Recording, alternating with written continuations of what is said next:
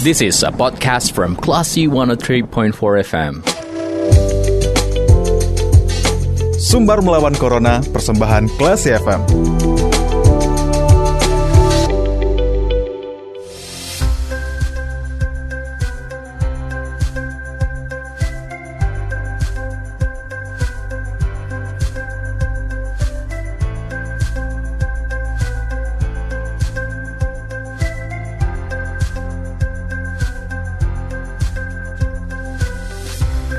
103,4 kelas FM bersama kita lawan Corona. Kelas People masih dalam sumber melawan Corona dan masih juga bersama saya Fadi Sardana Kelas People. Ada enam orang penumpang positif COVID-19 yang berangkat dari Bandara Internasional Minangkabau, kemudian uh, berangkatnya ke Bandara Hang Nadim Batam. Untuk membahas hal ini kita sudah terhubung bersama General Manager Angkasa Pura II Bandara Internasional Minangkabau, Pak Yoswa Giono. Assalamualaikum Pak Yos? Waalaikumsalam warahmatullahi wabarakatuh. Selamat sore. Sehat Pak? Alhamdulillah. Alhamdulillah. Nah Pak, dari beri, pemberitaan yang kita dapatkan, ada enam orang penumpang positif COVID-19 yang berangkat dari Bandara Internasional Minangkabau ke Bandara Hang Nadim Batam. Ini apa yang terjadi Pak? Iya, yang bikin heboh aja ya. Seolah-olah Bandara BIM meloloskan orang yang positif yeah. pergi ke daerah lain gitu kan. Ya, pada intinya di bandara sangat ketat uh, melakukan prokes ya dan hmm. uh, mengikuti aturan yang sesuai dengan SE gugus tugas, SE Kemenhub, terus ada SE-SS gubernur juga. Jadi saat itu memang ada 50 orang yang mempunyai semua uh, apa uh, tes anti Covid gitu. Yeah. Nah, memang ada perbedaan. Pada tanggal 8 keluarkanlah uh, eh, SE Gubernur Kepul Kepri Kepulauan Riau hmm. kepada wali kota dan uh, bupa, uh, bupati gitu untuk uh, penerapan tentang uh, mengatur tentang perjalanan di dalam negeri maupun luar negeri. Yeah. Nah, itu mengatur uh, bahwa pergian atau masukan uh, ke Batam yang melalui Sumatera itu cukup antigen dan uh, sertifikat vaksin kalau nggak salah hmm. itu. Nah, ternyata ada keluar lagi SE wali kota Batam. Dalam waktu yang dekat ya, Pak? Dan tanggal 9. Hmm. Beda nah, sehari. Tanggal 9. Padahal tanggal 8 gubernur mengirim surat kepada uh, wali kota dan bupati semua hmm. di dalam Kepulauan Riau gitu. Nah, uh, ya secara ini memang uh, eh, KKP kan yang mengvalidasi uh, tes COVID itu kan uh, kesehatan pelabuhan, yeah. bukan bandara hmm. itu kan. Jadi eh, KKP mengikuti SE lah itu SE Satgas, SE ini apa eh, Menhub gitu kan, terus sama SE Gubernur Kepulauan Riau gitu kan. Hmm. Dan SE Satgas kan mengatur tentang eh, uh, PPKMD Pulau Jawa dan Bali. Yang lainnya kan cukup antigen nah, ya kan, dua yeah. kali 24 jam gitu hmm. kan. Nah, kemarin memang KKP merilis lah bahwa mereka punya semua uh, dokumen uh, tes COVID itu memang hmm. antigen gitu. Antigen ini kan berbeda memang PCR. Yeah. PCR itu kan DNA-nya, DNA virus. Kalau ini kan memang uh, apa uh, gennya saja itu. Hmm. Nah itulah yang yang di, dirilis di uh, wartawan Batam seolah-olah uh, bat, uh, BIM meloloskan uh, ini gitu apa uh, penumpang yang tidak mempunyai uh, apa dokumen uh, tes COVID gitu. Nah itu yang menjadi memang permasalahan mereka semua punya. Nggak hmm. mungkin kalau uh, ini bisa terbang itu dalam satu pesawat loh. Yeah. Satu pesawat dibilang nggak ada dites semua. Itu karena permis antara SE uh, uh, uh, Gubernur uh, Kepri dengan SE Wali Kota gitu. Dan bagaimana dengan masyarakat yang sudah terlanjur berangkat ke sana dan enam orang ini dinyatakan positif? Apakah mereka dikembalikan ke Padang atau seperti apa, Pak Yus? Ya kalau kemarin sih memang langsung di sana, nggak belum ada berita untuk dikembalikan karena memang mereka uh, tujuannya memang tinggal di sana atau ini di mana gitu. Kalau nggak salah uh, mereka tetap di sana di Batam nggak dikembalikan. Hmm. Hanya dites mungkin kalau yang positif ya di karantina, mungkin hmm. dites dulu lagi PCR gitu, mungkin baru nanti di karantina gitu. Hmm. Kita pengen tahu nih Pak, seperti apa sih Pak koordinasi antar airport yang mungkin uh, ini mungkin ada ketidaktahuan informasi yang sepertinya terjadi, Pak? Ya, sebenarnya kan ini komunikasi antar uh, apa uh, eh, KKP ya yang hmm. memfasilitasi itu gitu kan. Uh, nah ini yang yang memang juga kita koordinasikan, ya, teman kan antara KKP dengan KKP yang di kepulauan, uh, misalnya di tempat-tempat lain atau daerah-daerah, kan mereka komunikasi nih, yeah. ya kan. Nah ini kan uh, memang kemarin mereka masih uh, berbicara tentang SE uh, 14, SE 45, yaitu terus uh, edaran gubernur itu, hmm. karena ya yang tadi saya bilang apa mungkin uh, misalnya lah uh, SE wali kota itu disebarin sampai ke Irian sana gitu. Yeah. Kalau SE uh, Satgas kan seluruh Indonesia gitu hmm. kan. Nah, ini yang yang mungkin sosialisasinya dalam waktu yang berdekatan berbeda aturannya kan begitu. Yeah.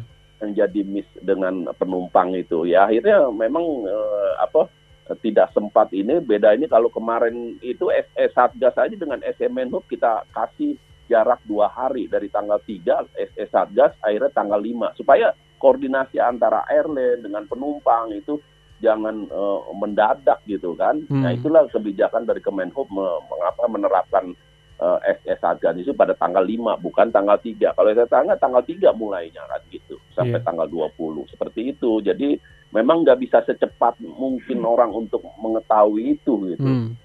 Nah sebenarnya Pak Yos apa sih syarat ketika orang-orang bepergian di daerah-daerah dengan status PPKM darurat, Pak, uh, keluar ataupun masuk? Ya, kalau PPKM darurat yang tadi saya bilang uh, pasti harus berbicara uh, PCR uh, dua kali 24 jam dengan sertifikat vaksin hmm. itu. Jadi satu yang ke satu itu ya. Itu yang pokoknya kalau yang uh, PPKM, PPKM darurat ya itu seperti itu. Dia harus PCR memastikan bahwa dia tidak ini dengan menunjukkan juga sertifikat vaksin yang ke satu. Hmm. Berarti uh, dari orang-orang atau penumpang yang berangkat dari Bandara Internasional Minangkabau menggunakan rapid antigen negatif ya Pak, kemudian sampai di Batam harus menunjukkan PCR negatif. Uh, betul. Kemarin, yang kemarin kejadian, jadi uh, kemarin itu mereka dites lagi di sana PCR gitu, hmm. bukannya membawa PCR yang negatif, enggak. Kemarin di pas di sampai di bandara dites lagi PCR gitu. Ya. Yeah. Uh, kemudian dengan adanya rapid antigen yang negatif, apakah menurut Pak Yos itu bisa diragukan kalau misalkan uh, di kemudian hari kita masih menggunakan hasil rapid uh, antigen untuk syarat perjalanan? Iya, iya. Jadi yang tadi saya bilang uh, antigen dengan uh, PCR itu kan berbeda. Yeah. Yang iya. tadi saya bilang ya, uh, apa kan curang juga uh, nakes juga sering berbicara antigen hmm. ini bisa juga dia positif uh, ini palsu atau negatif palsu gitu hmm. kan.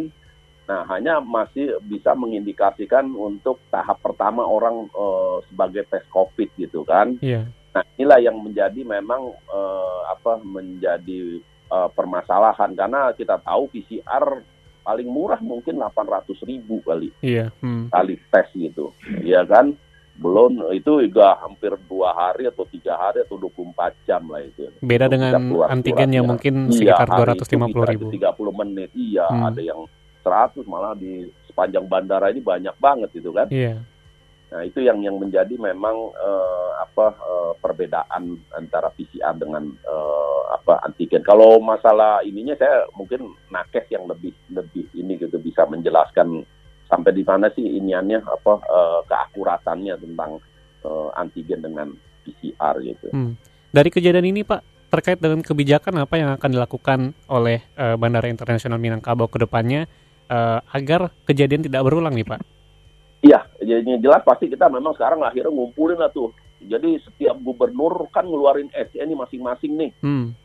Yang sebenarnya kalau memang udah yang tadi dibilang sama uh, ini gitu Mas gitu bahwa kalau memang sudah PPKMD ya sudah semua PCR dan sertifikat vaksin itu hmm. nggak perlu lagi berpikir-berpikir begitu gitu kan masyarakat nggak ini gitu. Cuman kan masyarakat nggak ada yang ada yang tinggal di uh, mungkin desa yeah. itu kan mereka nggak tahu perkembangan. Hmm. Ini yang SM14 kan ada adendumnya lagi nih tanggal 12 kemarin.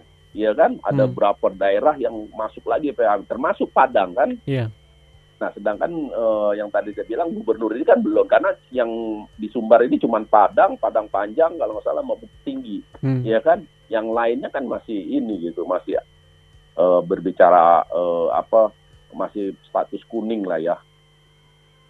Baik.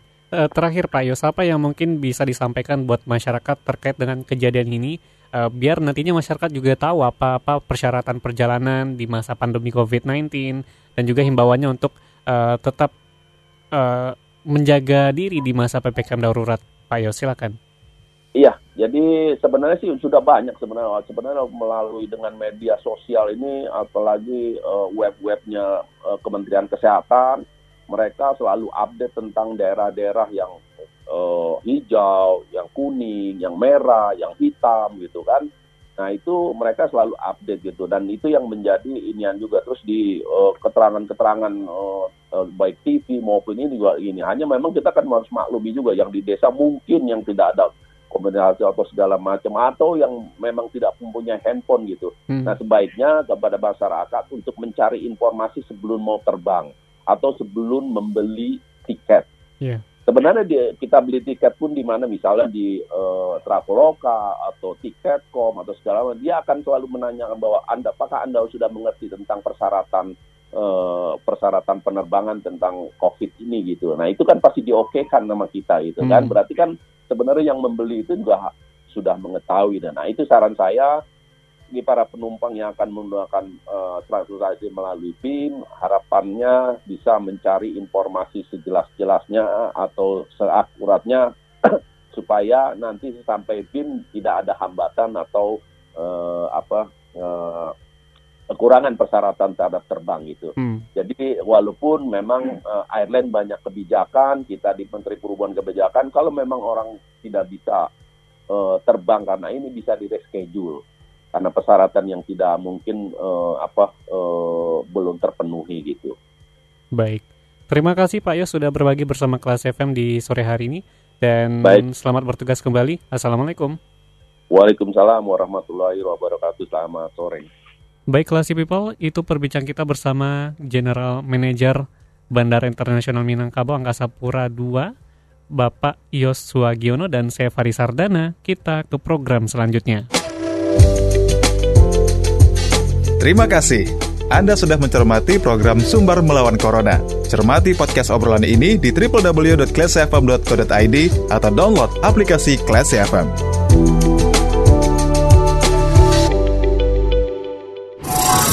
This is a podcast from Classy 103.4 FM.